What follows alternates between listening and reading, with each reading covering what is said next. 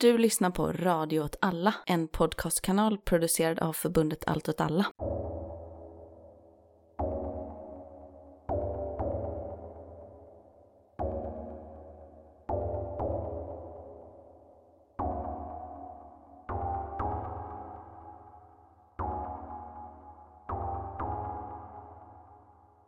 Hej och välkomna till Eld och rörelse Udda krig och perspektiv. med mig, Martin. Och med mig Myran. Och idag har vi med oss en gäst. Ja, vi har med oss en gäst. Hej, välkommen. Vad heter du? Tack så mycket, jag heter Sofie. Och vi kommer komma lite till varför du är med i avsnittet. Innan det så eh, berättade du precis att du har skickat ett brev till Säpo för att du ville ha ut om du hade något registerutdrag. Japp, du tyckte det var onödigt. Och det är ju slut onödigt. Det är som en kul grej, som man brukar kalla det. Men nu är ändå nyfiken lite. Är Lite nyfiken är man. Om ljudet låter konstigt är det för att du och jag delar mick här, som ett gift par. Vi lutar oss mot varandra på olika sätt. Ja, det här. Ett gift par with glory hole är liksom känslan. Det är för att vi är en väldigt fattig podd. Vi har inte råd att köpa ordentlig studioutrustning. Det är lite do it yourself-känslor på det här. Det låter som att ni eh, äskar mera pengar här från fanbasen. Skicka pengar till snus. Skicka mera pengar! Jag tänker att vi kan ju gå in direkt på avsnittet. Och bakgrunden till det här är en eh, diskussion jag hamnade i. Som eh, handlade om eh, något som kallas Project 100 000. Som jag inte hade hört talas om som projekt tidigare, utan mer som ett fenomen som diskuteras både gällande Koreakriget och Vietnamkriget. Eh, vad hade du hört talas om det tidigare? Nej, det hade jag inte. Men vadå, då har du hört det här McNamaras Morons eller något sånt? Ja, och framförallt att det finns liksom vittnesmål om eh, soldater som eh, uppenbarligen inte var lämpliga att skickas till krig, som skickades dit ändå. Men det är något man känner igen från så här eh, filmer och så. Att det finns liksom någon soldat som är mycket dummare än de andra då, liksom att det är någon arketyp, den stora, tysta, dumma liksom på något sätt. Ja, precis. I Full Metal Jacket finns det ju med en sån roll. Han som skjuter sig inne på toaletten till exempel. Och så här i efterhand så antar jag att det faktiskt syftar på, på det här då. För nu är det lite som att vi dansar runt det här som en katt runt het gröt. Nej, De stryker väl. Och de dansar inte, nej. Det är en annan ganska bara så cirkusgrej. Dansande katten. Eh, sidospår. Vi har ju med dig Sofie för att du är lärarinna på gymnasiesärskolan. Jajamän! Så du har ju en del erfarenheter av eh, människor med eh, kognitiv funktionsnedsättning. Mm, det stämmer. Eller man kan ju säga olika saker. Man kan säga utvecklingsstörning. Man kan säga kognitiv funktionsnedsättning. Eller intellektuell funktionsnedsättning. Vilket föredrar du? Jag kommer nog säga intellektuell funktionsnedsättning och förkorta det till IF. För att det är så himla lätt att säga. Och för att det är väldigt politiskt korrekt. Det är det det politiskt Just korrekta? nu, ja, Ja. det är det. Det är liksom inte alls den här eh, intellektuell funktionsvariabel, varierad. Intellektuell eh, funktionsvariation finns ju de om, de är, om man är riktigt hardcore kan man säga det. Det säger vårat arbetsplatsombud för Lärarförbundet. Om er? Nej. Nej, för det låter ju... Nej, men eh, om våra elever. Mm. Men alltså IF, det funkar ju, det kan ju be- betyda både och då.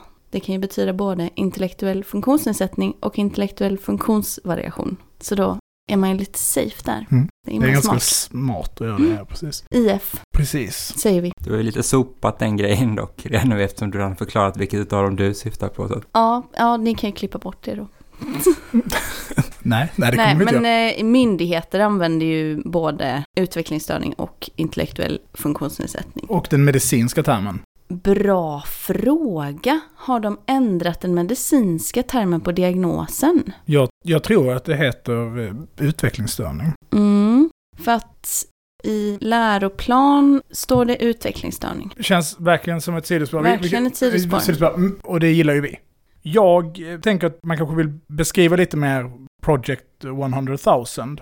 Och i enkelhet, vi kan gå in på det mer i detalj sen, så handlar Project 100 000 om att eh, under Vietnamkriget så startas det här projektet. Och i all enkelhet så går projektet ut på att ta människor som har uteslutits ur inkallelse, alltså som har blivit inkallade till kriget, de har uteslutits ur den processen på grund av olika anledningar. Men framför allt på grund av att de har fått så låga resultat på de intelligenstesten som har gjorts. Och de här människorna då, de här personerna, de skickas till Vietnam och det går inte så jättebra för dem när de är där. Och det går heller inte så jättebra för dem när de kommer hem därifrån. De som gör det. Och bara spontant då från din sida, om du kan beskriva lite, vi tittade lite på testerna innan och försöka utreda då liksom vilken IQ det handlar om egentligen. För hur fungerar IQ, om vi tar svensk skola då, vilket du har erfarenhet, för att gå på särskola. Var går gränsen från då grundskolan till särskolan? Men precis, IQ mäts ju i en, liksom en normalfördelningskurva från vad är det, 0 till eh, 100, 132 är gränsen för att komma in i Mensa. Så. Och det är 2% av befolkningen som är allra längst där uppe. Och sen så har man satt en gräns. Man har bestämt att IQ 70, då pratar vi, under IQ 70 så pratar vi IF. Och över det så finns det ju liksom såklart, kan man prata om eh, svag begåvning och massa andra sådana ganska obehagliga begrepp som kategoriserar människor i olika fack i samhället. Men eh, under IQ 70 så pratar man om man kan ha en lätt IF, man kan ha måttlig IF, man kan ha svår IF, man kan ha grav IF. Och grav IF, då är det ju så inget verbalt språk, svårt att röra sig själv kanske, svårt att ta hand om sig själv på många olika sätt, svårt att äta själv. Om man snackar liksom svår, måttlig IF, det är ju mina elever som jag har hand om på gymnasiesärskola. Ofta kan man ha svårt med ehm, att mina elever pratar inte. De pratar så pratar de i enstaka ord. Eller um, tecknar med, med tecken eller pekar på en bild. Eller um, äter med händerna.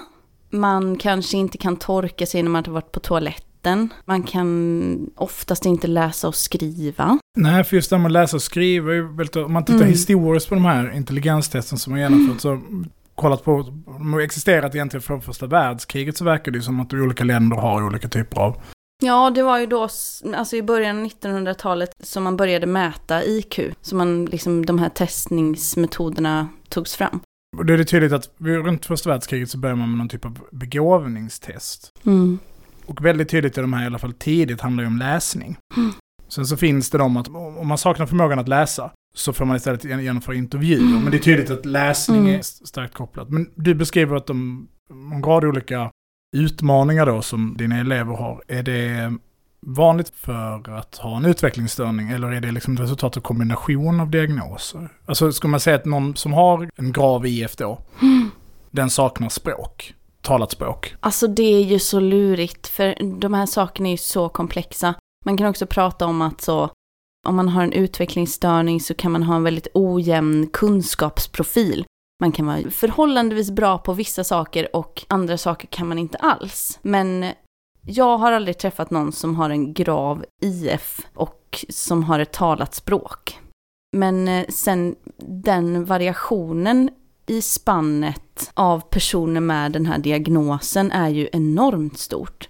Alltså om vi ser till en, ja, den här skolan som jag arbetar på så är ju, finns det ju elever som har en lätt IF som går ett nationellt gymnasieprogram där de lär sig att eh, sätta upp väggar och bygga reglar och sätta gips och glasfiberväv liksom. De finns ju också, de har också IF-diagnos. Och då är man ju på en lätt nivå. Kan läsa, skriva, men har stora inlärningssvårigheter, kanske har eh, vissa beteendeproblem som är liksom socialt kopplade. Men åker buss till skolan själv, hanterar farliga verktyg i en verkstad eller eh, går ett, eh, ett vård och omsorgsprogram och lär sig att ta hand om äldre och förskolebarn liksom. Så de finns ju också. De har också IF. Det är som att, jag vet inte, den här skolan som jag jobbar på, den är liksom både småbarnsavdelning, förskoleavdelning och låg mellan högstadie. Typ så.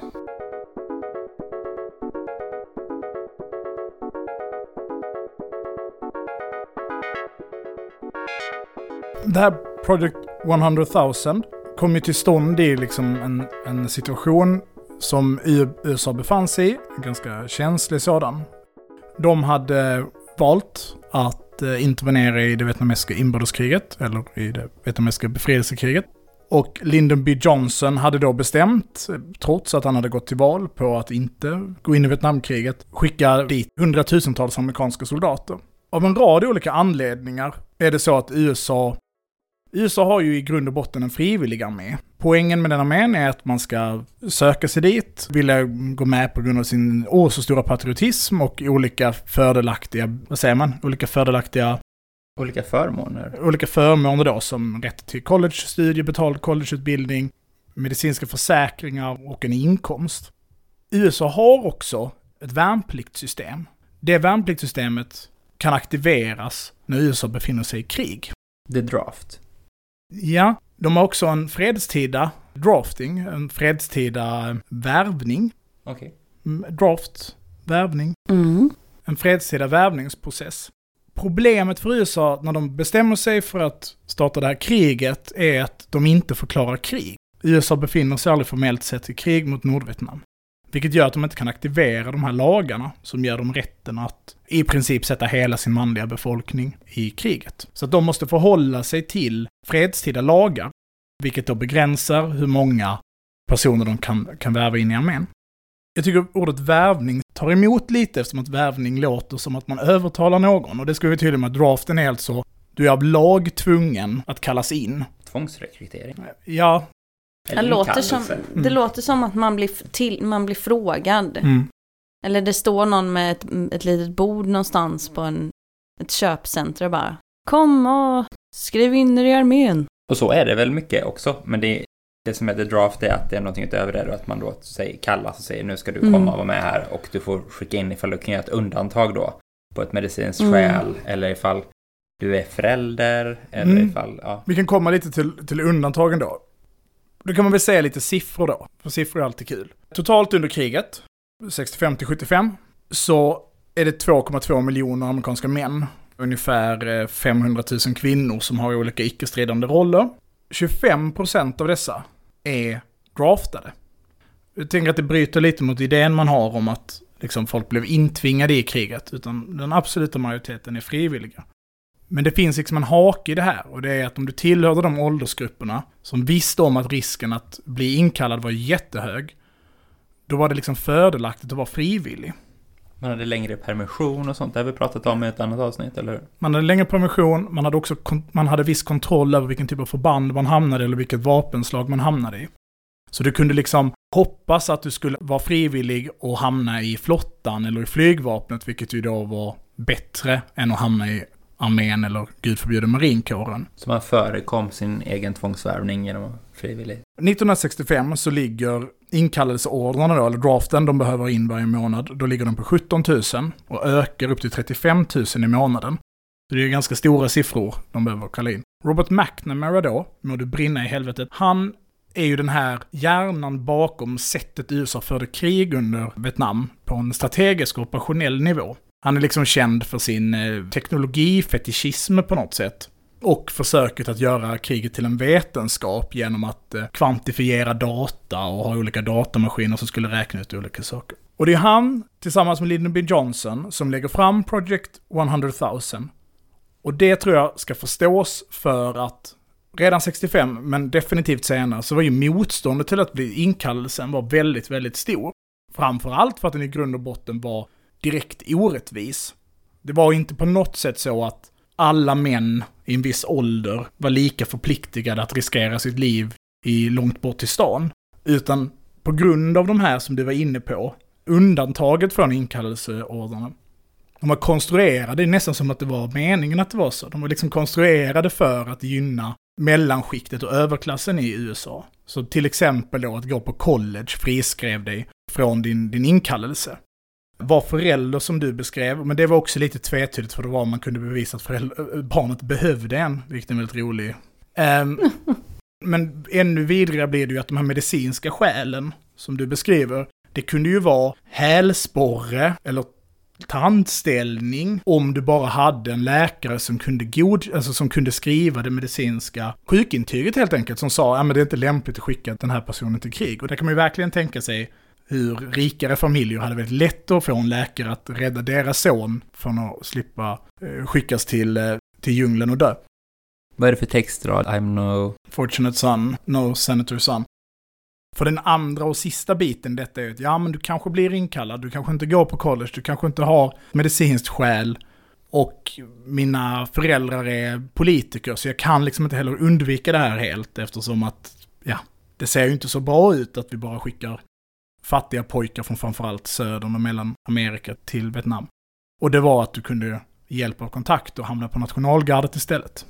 Vilket ju var förband som aldrig aktiverades under Vietnamkriget och skickas dit. Det har ju dock hänt i Irak och så ska vi säga, Syrien också för den delen. Så Robert McNamara med Han brinner i helvetet och Lyndon B. Johnson sitter då tillsammans här och försöker lösa det här problemet med att folk i USA är ganska förbannade över det här kriget som Lyndon B. Johnson alltså i princip gick till val på att han inte skulle skicka amerikanska pojkar och dö i ett krig som asiatiska män inte är redo på det i själva. Om jag får parafrasera honom. Och det gör de genom att de väldigt modernistiskt kommer på det här projektet som säger men det kanske är så här att om man tar de här personerna som av olika skäl inte var, hade förmågan eller höll måttet för att skickas dit, så kanske vi kan göra nya män av dem. Och då ska ju sägas att vissa hamnade i Project 100 000 för att de var överviktiga till exempel. Vilket ju var en anledning att slippa bli inkallad eftersom att din, du inte klarade av de fysiska testen. I ett föreläsning vi lyssnade på om där så beskrev de en person som varje kväll åt tre stora pizzor i sex månader. För att gå upp så mycket vikt att han skulle bli friskriven. Men den stora delen de skickar, det är personer som har svarat, eh, hamnat i kategori 5. På de här mentala testerna? Ja, som heter något jättekomplicerat. Jag ska för att klippa bort det här ska jag ta fram... Ja, det var, det var någonting nästan helt obegripligt. Jag förstod inte heller. Du, det är första test. steget i testet. Ja, förstå vad... Kan du, kan du säga vad som står här? Kan... Ah, då behöver du inte ta testet. Förstår du vad det står här? Det luktar klart. Kategori 5. Direkt. Tvärtom.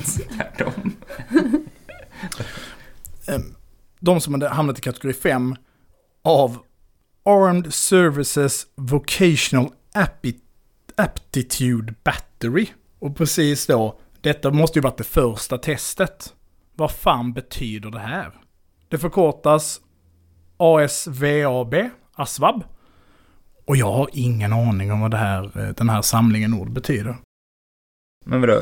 Vocational, är det någonting med språkligt alltså, eller vo, uttal? Vo, vad står det? Vocational vo, Aptitude Battery. Vo, det är helt obegripligt. Jag... Ser du inte det? Vocat vocational, vocational. Mm, är det inte vocational, det är Nej. något annat. Mm. Mm. Vocational. Hade man kunnat förstå vad det betyder så tänker man att man kan ta resten. Mm. Det här testet då... är man då? nästan för smart för att behöva skickas till Vietnam. Då behövs man på hemmaplan. Just det. De starkaste hjärnorna. Ja i nationen. De får sitta på Department of Defense och knappa i McNamaras datorer. De får utforma de här testen. Men det här testet är också dumt, vilket är ironiskt. För det, det tar liksom inte fram IQ. För då har det varit väldigt lätt att titta på det här. Utan testet är utformat på så sätt att massa människor i high school, i tionde, och elfte och tolfte året av high school, får genomföra det här testet. Och din kategori du hamnar i är baserad på vilken, på vilken procent av alla som gjort testet, vilken grupp du hamnar i baserat då på alla människor som gjort testet. Så hamnar du då till exempel i kategori 1, som är den högsta kategorin. Då är du, då har du svarat liksom topp 93 till 99 procent av alla som gjort testet. Just det, så det blir en slags normalfördelningskurva utifrån testresultaten. Baserat på de som har gjort testen. Baserat på dem, ja. Men så är ju ett IQ-test också. Alltså IQ generellt, som vi sa i början, är en normal fördelningskurva. Mm. Så att där de två, två högsta procenten hamnar där. Fast det är kanske att man har standardiserat den en gång och sen så gör man inte om det varje gång nya människor tar testet då. Men... Ja, man har räknat ut så här många personer med den här IQn finns det. Och så finns det jättemånga som är på mitten. Och sen så är det lite färre på ytterkanterna. Jag tror under IQ 70 som vi pratade om förut, det beräknas vara 2% av befolkningen. Men det är bara 1% som går i särskola. Precis som ni beskriver så är det så kategori 3A och kategori 3B. De är uppdelade i många olika kategorier här. Kategori 3B, som är den sämre av de två kategori 3, är 31 till, 31 till 49 procent medan kategori 3A är 50 till 64. Så där hamnar ju den största, det är den bredaste kategorin. Och normalt sett så ska man inte skicka någon som hamnar i kategori 4 i krig. De vill man inte ha. Men det här har svajat genom åren och även i Irakkriget, eh, så senast som i Irakkriget så har man, när man haft brist på folk så har man gått ner i kategorierna. Och om man då ligger i kategori 4A, då, då tillhör man alltså, hamnat man i gruppen av de som 21 till 30 procent. Vilket ju är väldigt lågt utslaget på hela populationen. Så Robert McNamara och Lyndon B. Johnson kommer fram till att men om, vi, om vi tar de här personerna som har hamnat i de lägre kategorierna, kategori 4 och kategori 5. Det här är lite svårt att hitta för att det är lite svårt att se exakt vilka kategorier de har tagit ur. Men det är tydligt att de liksom är så medvetet frångått de här reglerna. Och så skickar vi dem till militära utbildningar och sen vidare till Vietnam. Och det här programmet, det, projektet då, det paketeras som en del av USAs War on Poverty. Vilket är kul. För det är ytterligare ett krig USA har förlorat. För att liksom, för tanken är på något sätt att det här ska då göra de här nya männen. Mm. Och lös, kanske då eventuellt lösa den här frågan. Och för att det här ska lösas, och det här tycker jag är riktigt spännande med det, för att det är så jävla, jävla ondsint, det de gör. Men det är också så samtidigt så himla framtidsdanande liksom. Mm. Mm. Ja, men det är klart att de också ska ha rätt att dö i Vietnam. Precis som alla andra. All, precis som alla andra män. Det är liksom en inkluderingstanke, väldigt tidig. Mm. Och det här liksom att, nej men, ska de hålla på att känna sig utanför när resten av deras generation gör? Ska inte de också få vara med? Ja, de ska väl också få uppleva krigets fasor. Mm. Varför ska vi ta ifrån dem det? Och för att detta ska möjliggöras då så gör man då de här moderna eller teknologiska, för han gillar ju teknologi, så då tänker han att en av lösningarna då ska, för att han fattar ju någonstans, att Robert McNamara fattar ju någonstans att det är ganska svårt att utbilda de här till att bli, till att bli liksom duktiga soldater. Så därför har han kommit, man kan ha video till exempel. Mm. Och individuella handledare. Vilket Mm. också är en väldigt spännande Mm, tanke. Ja, men det är ju... Jag kan förstå Robert McNamara någonstans. Att han hade en väl, måste ha haft en väldigt stark tilltro till, till försvarsmakten och armén som en stark utbildningsinstitution i samhället. Vi, vi har utbildat generationer av eh, soldater här. Vi, vi kan det här. Det här är våran expertis liksom. Mm. Om de bara kommer till oss i, våran, i vårat stålbad så ska vi göra folk av dem liksom. Med, också då med, med de här, ironiskt nog så är han ju också väldigt tidig på bollen med liksom digitala hjälpmedel här. Som ju är liksom var och varannan person med de här funktionsnedsättningarna använder idag. Nu är det ju iPads och massa annat som man använder, men visst, kör, visar de videofilmer av hur man tar isär ett gevär och sätter ihop det igen. Då kommer man förstå, ja men, jag tänker det här, som du säger, att idén om att armén är där man gör män av pojkar liksom, så Mm. att den Mm. Transformativa liksom funktionen som militären har, det Mm. finns väl en återkommande bild av det också, så var det väl med värnplikten i Sverige också att man tänkte det. Och i någon utsträckning så kan det ju säkert vara så att när man är liksom helt ung och genomgår liksom en formativ process då att då lär sig folk så här lyda order till exempel och det kan sen då vara en vuxen egenskap i arbetslivet liksom på något sätt. Det kanske inte gör personer till mer sympatiska och välfungerande, fast ibland kanske det faktiskt gör det också.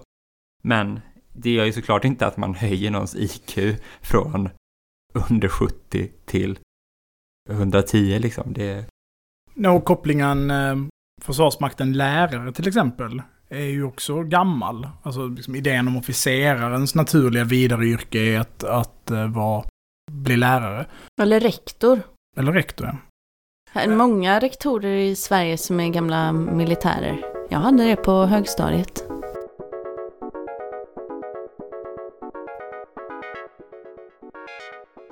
Sen så ska det väl sägas då, och det tror jag att det är väldigt viktigt att säga när vi pratar om det här, är att någonstans så ska ju resten av världen sättas i relation till USA. Vi kommer ju komma in lite på, på vad som händer med de här personerna man skickar, som, som ingår i projektet som man skickar. Men om vi tänker, vi pratar nu 60-tal. Projektet avslutas i början av, av 70-talet, men, men, men det är 60-tal det här händer. Hur var situationen för människor med intellektuell funktionsnedsättning i Sverige under samma period? 60-talet hade vi ju fortfarande mm, kvar de statliga institutionerna till exempel. Så då såg nog livet för många ut att man eh, bodde på institution. Ett exempel är ju Vipeholmsanstalten i Lund. Som ju var fruktansvärt. Alltså under nästan tortyrliknande förhållanden.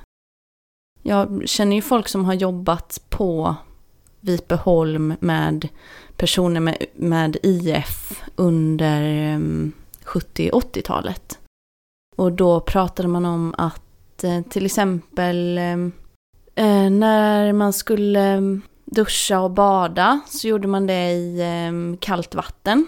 För det spelar väl ingen roll. De, de bryr sig väl inte om det, de idioterna. Eller man, framförallt i alla i samma, i, i, samma rum. För att det spelar väl ingen roll. Sen avskaffade man ju dem liksom successivt under 80-90-tal. Och nu, ja, såklart att utvecklingen går framåt. Men det är ju hela tiden en pendel. Vad som är... Värdigt liv och så vidare. Värdigt liv, och... ja precis. Och ja, hur man ska bemöta de här personerna med de här livslånga funktionsnedsättningarna som det ju handlar om. Det är ju ingenting som man botar. Nej, jag tänker alltså även då parallellt till idag så var det inte så länge sedan Uppdrag granskning. Då gällde det förvisso mm. autismspektrum, mm. men jag antar att det fanns en IF-diagnos där också. Mm. Om liksom människor som paketerat i någon typ av det, det här är för deras eget bästa, låser mm. in dem och berövar deras liksom, kontakt med, med nära och kära. Och de får bo i liksom fängelseliknande omständigheter eller i alla fall brutal mm. husarrest. Men det är konstigt om det här blir något försvarstal till Robert McNamara, men, men för här finns det ju någon typ av skillnad i, i synsättet på människor. Nu tror ju inte jag, jag tror ju inte att Robert McNamara genuint tänkte på att det här skulle fungera. Men, men vi, låt säga att han gjorde det. Så är det ju en skillnad på att se, om vi då ska ta den här parallellen till, till Vipeholmsanstalten, att antingen så betraktade man dem som djur med människoliknande drag liksom. Eller betraktar man dem som halva människor som kunde bli hela. Och det, det, finns ju en skillnad i det. Undrar om de tog folk, alltså det kan de inte ha gjort att, att de tog folk ur, eh, från institutioner i USA och skickade till krig.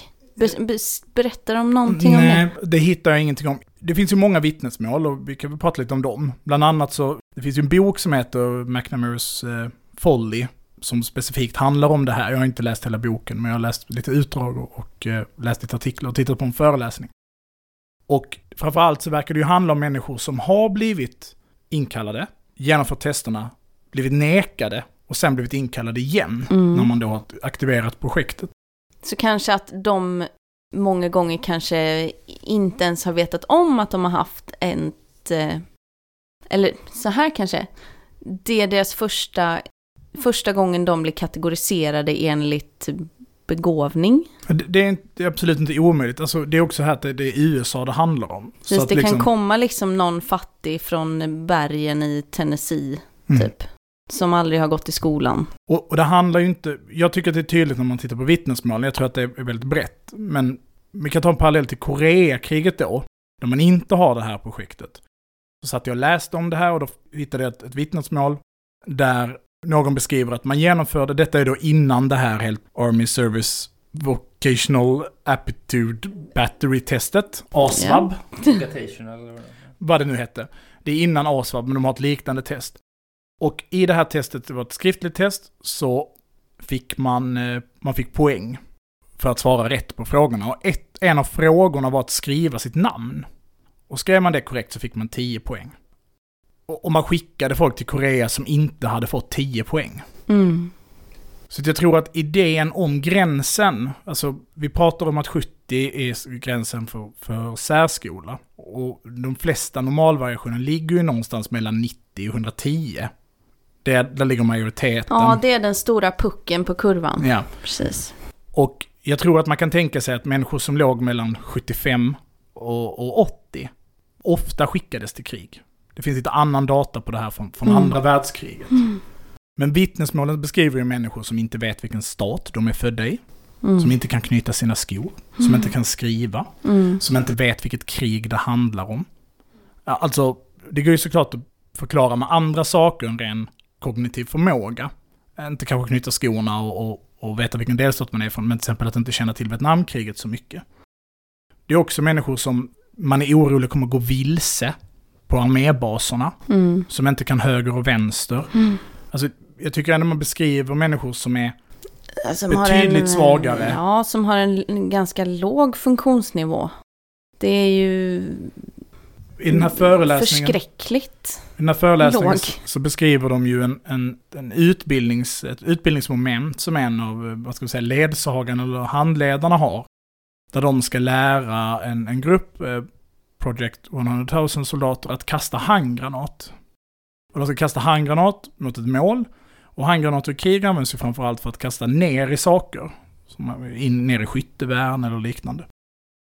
Och han kan inte förmå att lära dem att kasta i en bana mot målet. De försöker visa dem att ni måste kasta uppåt. Ja, just det, så Alltså- att det blir liksom en båge Mm. och sen, ja, flyger den liksom. ner. Ja. Mm.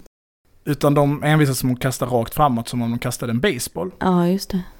Och han försöker förklara och visa och exemplifiera. Och till och med ett moment säger Men tänk att det kommer en flock fåglar flygandes här och du ska kasta på dem.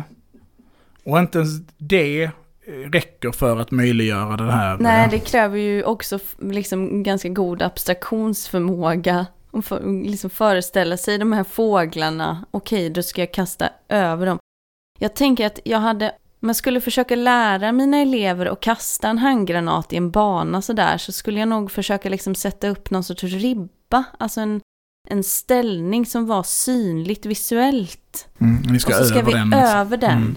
Det är omöjligt att kasta rakt fram, du måste kasta över. Kan inte ge Försvarsmakten några idéer här. Så vi kan sluta med, med, med typ... Som en eh, sån... rockring kanske? Nej, men typ en eh, stavhoppsställning kanske.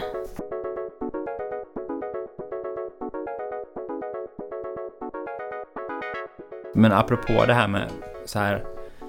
Ett argument mot att McNamara skulle haft några goda intentioner och så är ju också att det här stammar ju inte ut ur situationen att man helt plötsligt kom på gud vad orättvist att alla inte får vara med.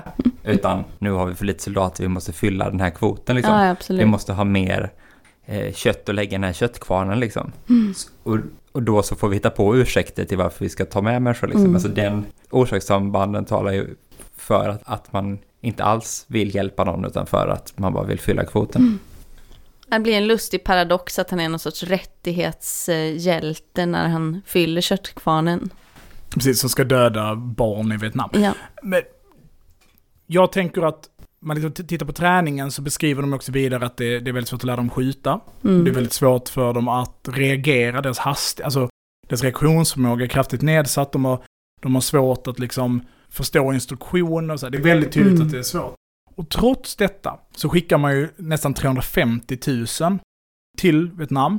Eh, 51% av dem hamnar i eh, stridande förband. Och, och, och det är ju verkligen Mm. djupt, djupt eh, cyniskt. Mm. Inte endast mot de stackarna som ju ofta beskrivs som rädda för höga ljud, rädda för mörkret, Mm. Mm. svårt att förstå sin liksom, omgivning. Utan också för de människor som ju, inte för att jag gråter några tårar av dem, det kan gott få dö där, men de människor som de andra soldaterna, var, som också där någonstans kämpar för sitt liv, eh, måste välja att förlita sig, eh, eller tvingas förlita sig på, på, på deras förmåga att, att prestera. Till Ja, eller ta, om hand, ta hand om de här personerna och hjälpa dem på olika sätt. Ja, för det, det beskrivs ju också att de här lite, i det här totala mörkret så finns det Mm. även de här berättelserna om att officerare som försöker hitta arbetsuppgifter åt de här personerna, som ju också eh, såklart, eller såklart, som också då tvingas utstå fruktansvärda övergrepp från sina medsoldater. Alltså, McNamara's moron är ju liksom en term som används Mm. även av officerare eller så. Mm. Och man kan ju tänka sig eh, de liksom fruktansvärda övergrepp som sker inom amerikanska armén under Vietnamkriget, som ju handlar om, grundade på rasism till exempel. Mm. Man kan ju bara föreställa sig liksom de frustrationsangreppen som de här svaga individerna tvingas utstå under sin tjänstgöring där. Men var det inte något exempel som han hade på en, en soldat ur den här eh, 100 000 som hade stått vakt? För det tyckte jag var så talande för att så här, ja visst man kan ju lära sig att sätta ihop, ta sönder geväret och sätta ihop det igen. Och man kan förstå orden om att ehm, eh, nu ska du stå här och vakta. Men att sen agera på den orden och förstå och göra liksom rimlighetsbedömningar. När, när det kommer en person mot mig så ska jag säga halt. Eh, och så ska jag försöka få personen att identifiera sig själv och så ska jag göra en bedömning av vem är den här personen, är han vän eller fiende, får han komma in? Och den här killen bara, det kommer en officer mot honom, visst är det så? Det kommer en officer mot honom och han säger halt, officeren säger vem han är och sen bara skjuter han. Att han liksom fått instruktionen, stå, stoppa, identifiera, Ja, och skjut om det är en fiende, eller liksom Mm. skjut om den svarar fel. Och så, ja vad fan är rätt och fel svar i den här Mm. situationen? Jan klarar ju alla stegen fram till just Mm, det där mm, svåra liksom. Och ganska viktiga. ja det är ju eh, otroligt mycket ansvar att lägga på en, en person med uppenbara svårigheter i, i kommunikation och eh, socialt samspel. Och då som det, det du skulle anknyta till var väl att då så var de övriga soldaterna som hade varit nära Just det här befälet. Mm. De sa vi ska döda den Mm, killen mm. för att han har dödat vår. Och då så tog de honom ur sin tjänst liksom. Ja, precis. Hur funkar det då? Kan man liksom, ställs han inför krigsrätt för att ha, alltså finns, om det fanns någon förmildrande omständighet att han hade svarat så dåligt på testerna då? Det är ju jätteintressant. Ja, så att följa upp det. Ironiskt nog så är ju, är ju USAs syn på att vara, eh, på att straffa människor som eh, lider av psykisk ohälsa till exempel, eller, eller funktionsnedsättningar, i vissa fall betydligt bättre och mer progressivt än Sverige. Det Mm. behöver vi inte gå in på nu. Mm. Eh, och jag vill inte gissa hur det gick för honom. Jag, jag, kan, jag kan misstänka mig att han, misstänka att han sattes inför krigsrätt, ställdes inför krigsrätt. Ja. Därför han eh, hade ju genomgått stålbadet och blivit en eh, man att tillräkna. Jag tror att jag sa fel siffra tidigare. Det, det är ungefär 320 000 soldater som sätts in i programmet.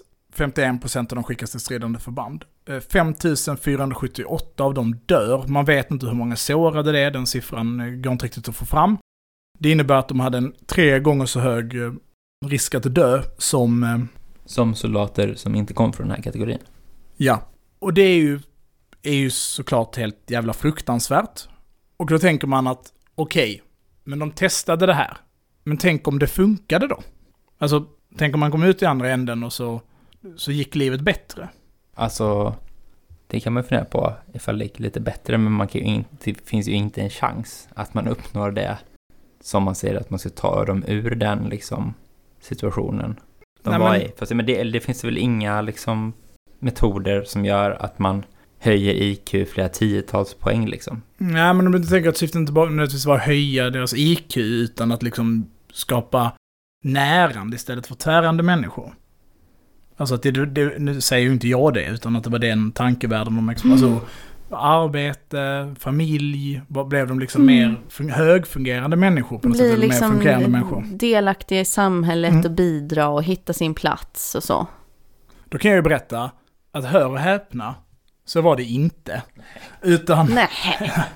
Utan förutom att eh, 5748 dog, så de hade lägre medelinkomst, högre skilsmässograd, högre arbetslöshet, lägre utbildning, sämre psykisk hälsa än personer som tillhörde samma kategori som inte skickades till Vietnam. Då är det någon som har suttit och gjort en uppföljande studie Mm. på det här alltså.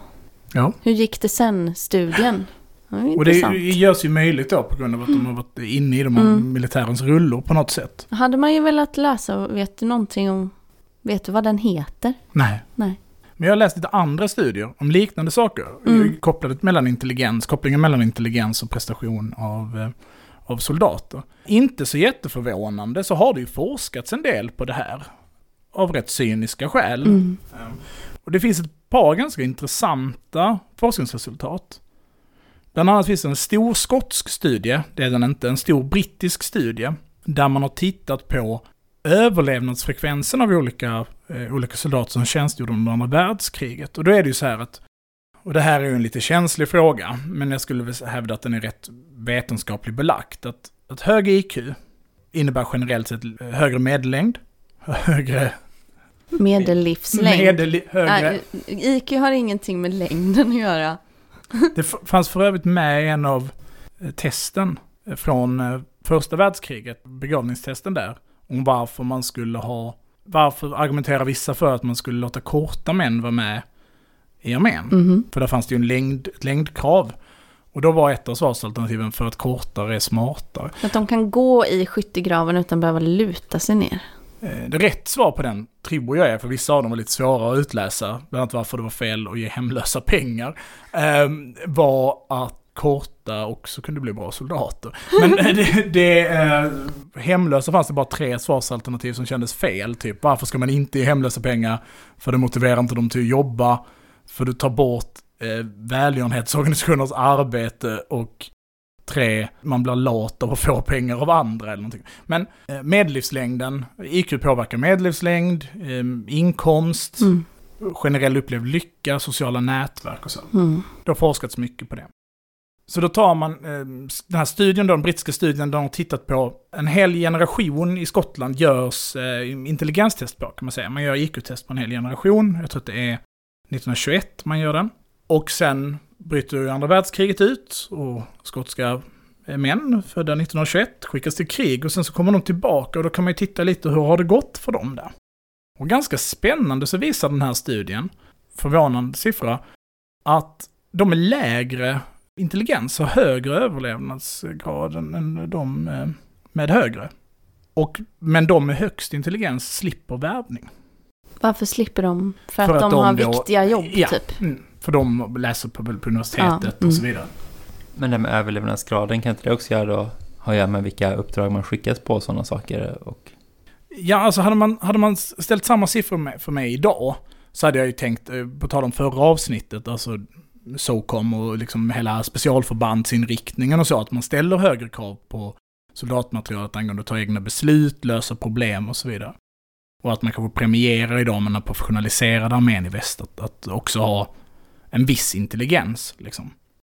Eh, de kommer inte fram till att det riktigt går att förklara på det sättet, för då kan de ju i sin tur titta på vilken typ av eh, uppdrag eller vilken typ av positioner man har haft inom, inom försvaret. Eh, och det går inte heller att förklara med att officerare dör i högre utsträckning eller nå- något liknande. Men de skickar inte folk eh, med 70 IQ heller. Nej, jag tror att det Alltså var... låg, låg IQ var inte under 70, det var så 90. Ja, det, det är 85. svårt. Av det jag har läst av studien så är det liksom svårt. Man kan säga att medianen, för jag tror att det var det de tittade på, bland de som hade dött låg på ungefär 101 eller 102. Mm. Och medianen på de som hade överlevt låg på 96. Mhm. Så det, det kan ju finnas ett Mm. ganska stort eh, spännvidd på den. Jag tänker att det finns många olika förklaringar till det här och jag tror att en förklaring som, som eh, verkar vara vanlig när man läste runt om den här forskningen var ju bland annat att tänka inte alltid positivt. Mm. Utan att ibland så måste du bara agera och människor som bara agerar har en viss eh, högre överlevnadschans i krig. Att Mm. man tar initiativ, man sitter inte och försöker kalkylera ut det bästa utan man, man bara Mm. gör. Och att andra världskriget också var ett krig där man kanske premierade den typen av beteende mer. Alltså, ibland måste man bara springa liksom, rakt på. och då kanske bara följa liksom en träning man har fått innan som är så här, i den här situationen så ska du göra de här sakerna. Mm. Ja. Ett an, en annan studie som jag tittade på em, handlade om, som hade försökt mäta intelligens kopplat till eller IQ då, kopplat till prestation under träning. Och då, då visade det sig att ju i princip på alla fält så var högre IQ att föredra hos sina soldater. Stridsvagnsbesättningar träffade, liksom, klarade träningarna bättre. Infanterister klarade träningarna bättre som de, de som hade högre IQ. Och en av de kanske mörkaste studierna jag tittade på var en som helt enkelt tittade på PTSD kopplat till intelligens. Hmm. Och den kom fram till att om man hade lägre IQ så var risken för PTSD högre än normalpopulationen, eller kontrollpopulationen, om det var lätta stridskontakter. Men vid allvarliga stridskontakter så var risken för PTSD högre ifall du hade en högre IQ. Mm. Och där resonerade man och diskuterade fenomenet om du hade med att det var, om, om du har lättare att, att om du har en högre intelligens och utsätts för en lätt stridskontakt, då får du inte det stresspåslaget när du, där du liksom tänker att du varit nära på att dö. Medan du har en lägre intelligens så är det svårt att avgöra det i situationer. Mm. Medan vid de allvarliga stridskontakterna så var det näst, fungerade det nästan tvärtom. Att du förstod inte hur nära du var att dö. Mm. Den här studien kom ju då fram till att detta var viktigt att ta i beaktande. För det var ju en fördel med att ha lägre intelligens till de myndigheter som ansvarade för policy angående rekrytering. Vilket ju är en av de mest cyniska linjer jag har läst i forskning. Ja, men titta här, en fördel med lägre IQ i försvaret, de blir inte lika rädda. Mm. När Samtidigt, de är nära att dö. Så fattar de inte hur nära de är att dö. Asbra. men samtidigt så brukar man väl säga att eh, liksom känsla av sammanhang och KASAM, förståelse för vad som har hänt, vad man har råkat ut för, är en, skydds, en skyddande faktor för att eh, liksom få PTSD till exempel efter en svår situation. Exempel då andra världskriget, judar som eh, kunde förklara sin situation med liksom religiösa förföljelsen och antisemitismen eh, hade i alla fall ett sammanhang att hänga upp sitt Mm. trauma på. Det blir begripligt Det någon mening. Ja. begripligt och mm, på något äckligt sätt meningsfullt. Mm. Jag har blivit utsatt för det här Ja. för att Mm. eh, jag tillhör det utvalda folket, eller jag har blivit utsatt för detta för att jag var kommunist. Ja, och precis. jag kan därför förstå varför det har hänt till skillnad från jag var en helt vanlig knegare och en dag så tog de och försökte mörda mig och mördade mina barn. Mm. Men eh, kommer man då och liksom med, är nära, nära döden i nära stridskontakt och har en god förståelse om vad det var som hände så, så verkar det ju inte vara gynnsamt.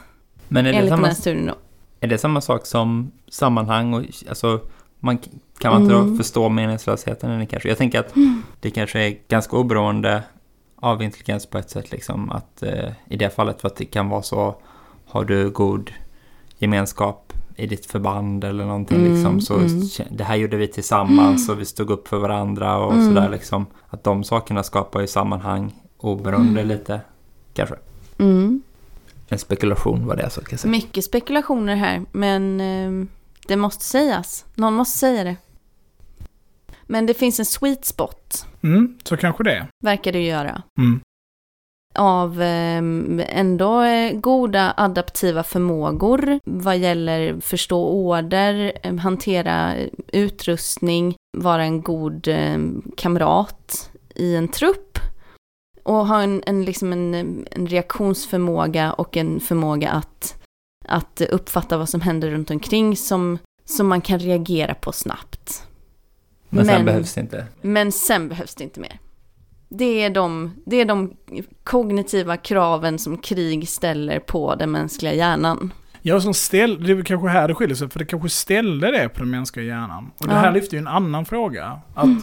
Alltså, redan nu så pågår det ju en, en jättestark exkludering av människor med, med IF då från arbetsmarknaden. Mm. En arbetsmarknad som till, tidigare var tillgängliga dem. Och Mm. arbete i vår tid är ju extremt förknippat med att liksom vara en fullgod människa och göra rätt för sig och, och så vidare. Mm. Det, det finns ju något liksom riktigt bisarrt i det, att tänka sig att på grund av de högre kraven på intelligens för att delta i, i krig, så exkluderas liksom även människor med svagare kognitiv förmåga från även det sammanhanget i livet. Att nu kan du inte ens bli en köttmur i ett imperialistiskt krig i Asien längre. Nej, man får inte jobba på Samhall heller. De vill inte ha personer med IF. Vem ska Var jobba där någon då? eh, Uppdrag granskning som handlade om det? Nej, de vill ju ha personer som de inte behöver eh, hjälpa så himla mycket. De ska ju ändå vara självgående liksom. Mm. Och samhället ska gå med vinst och så. Alltså det är väl det det handlar om. Mm, mm, mm. Ja, de ska utföra serviceuppdrag åt sina kunder.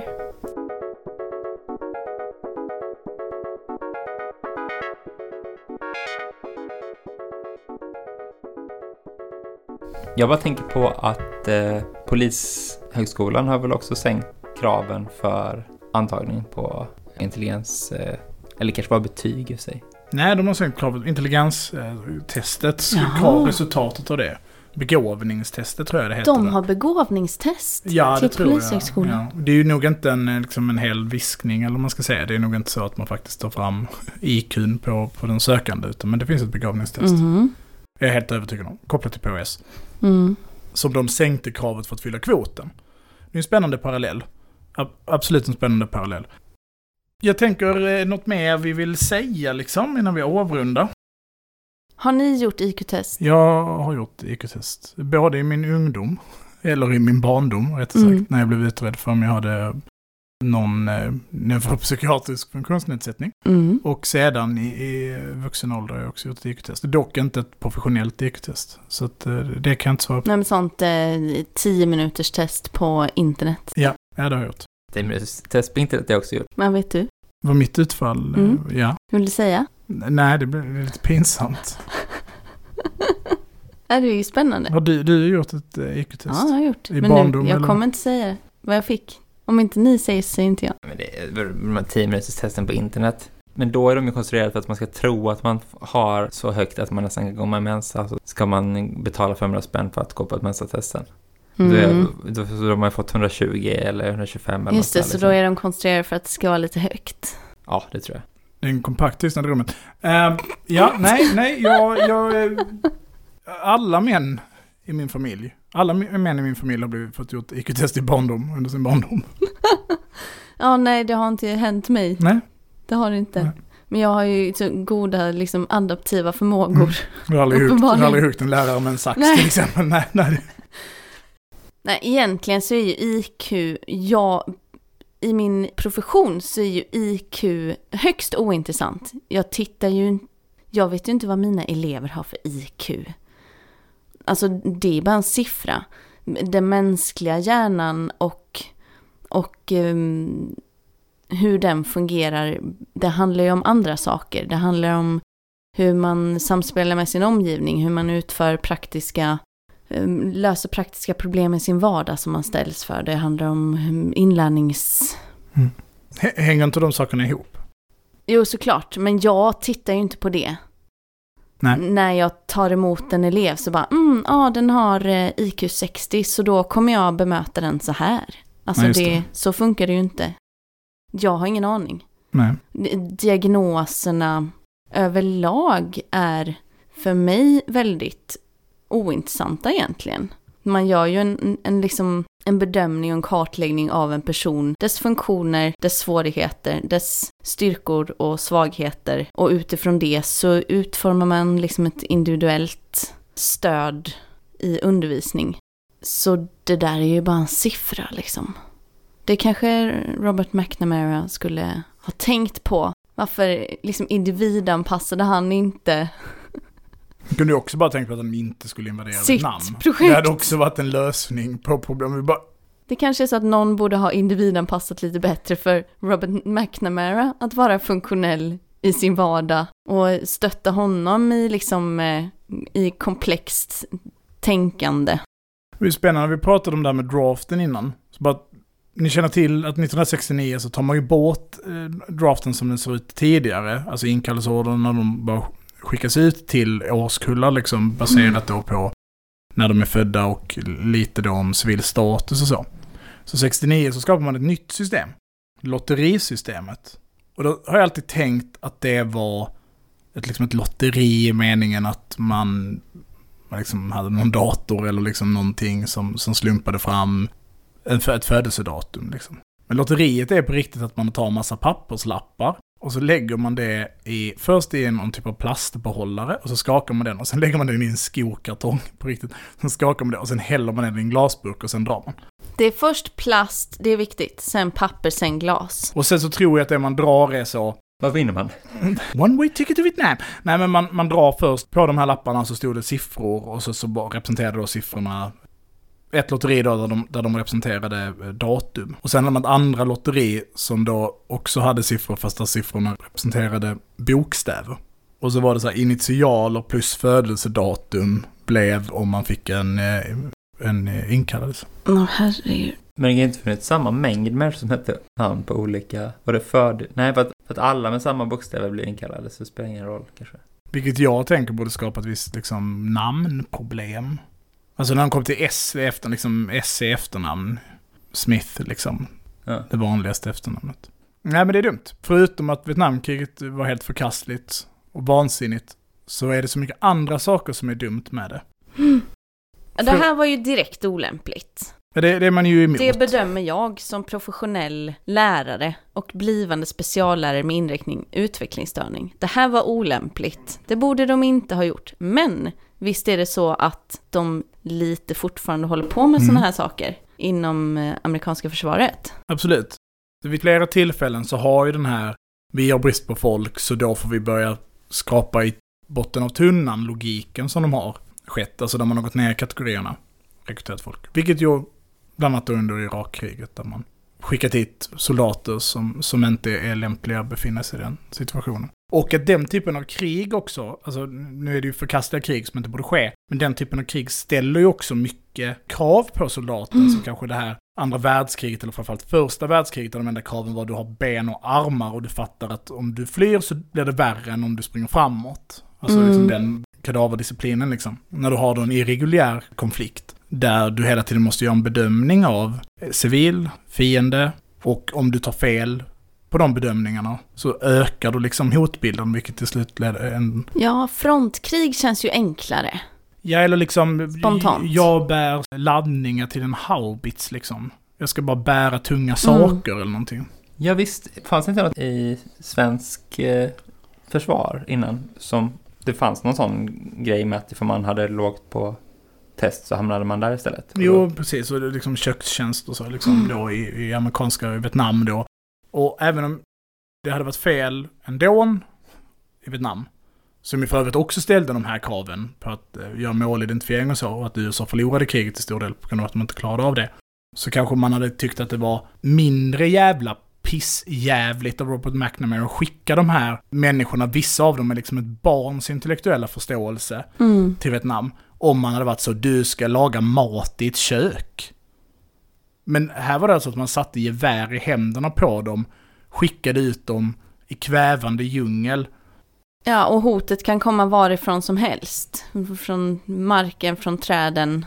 Ja, och man dessutom premierade brutalitet. Mm, Alltså tänk på mm. många, alltså det blir också, det hade varit fel även om de var kockar, för de, de hade ingenting där att göra, varken som människor med, med eh, intellektuell funktionsnedsättning eller människor, amerikaner överhuvudtaget.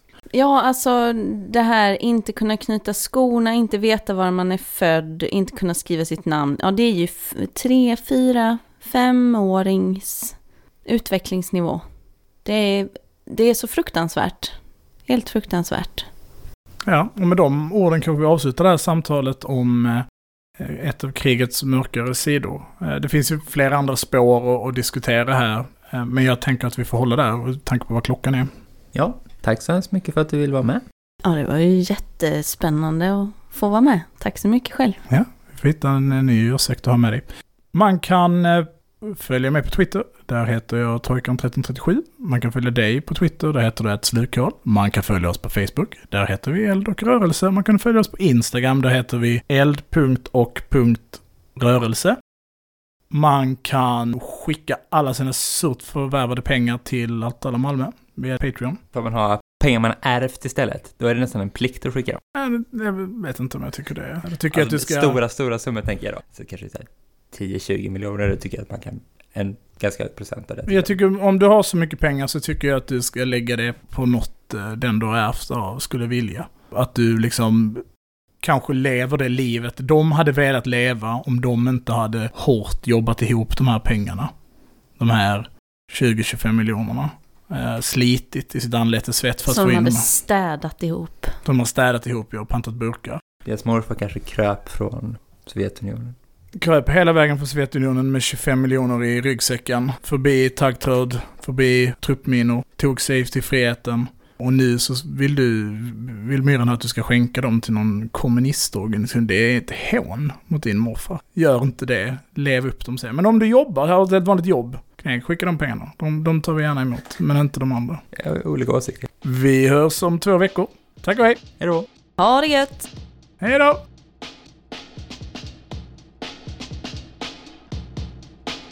Jo men jag är för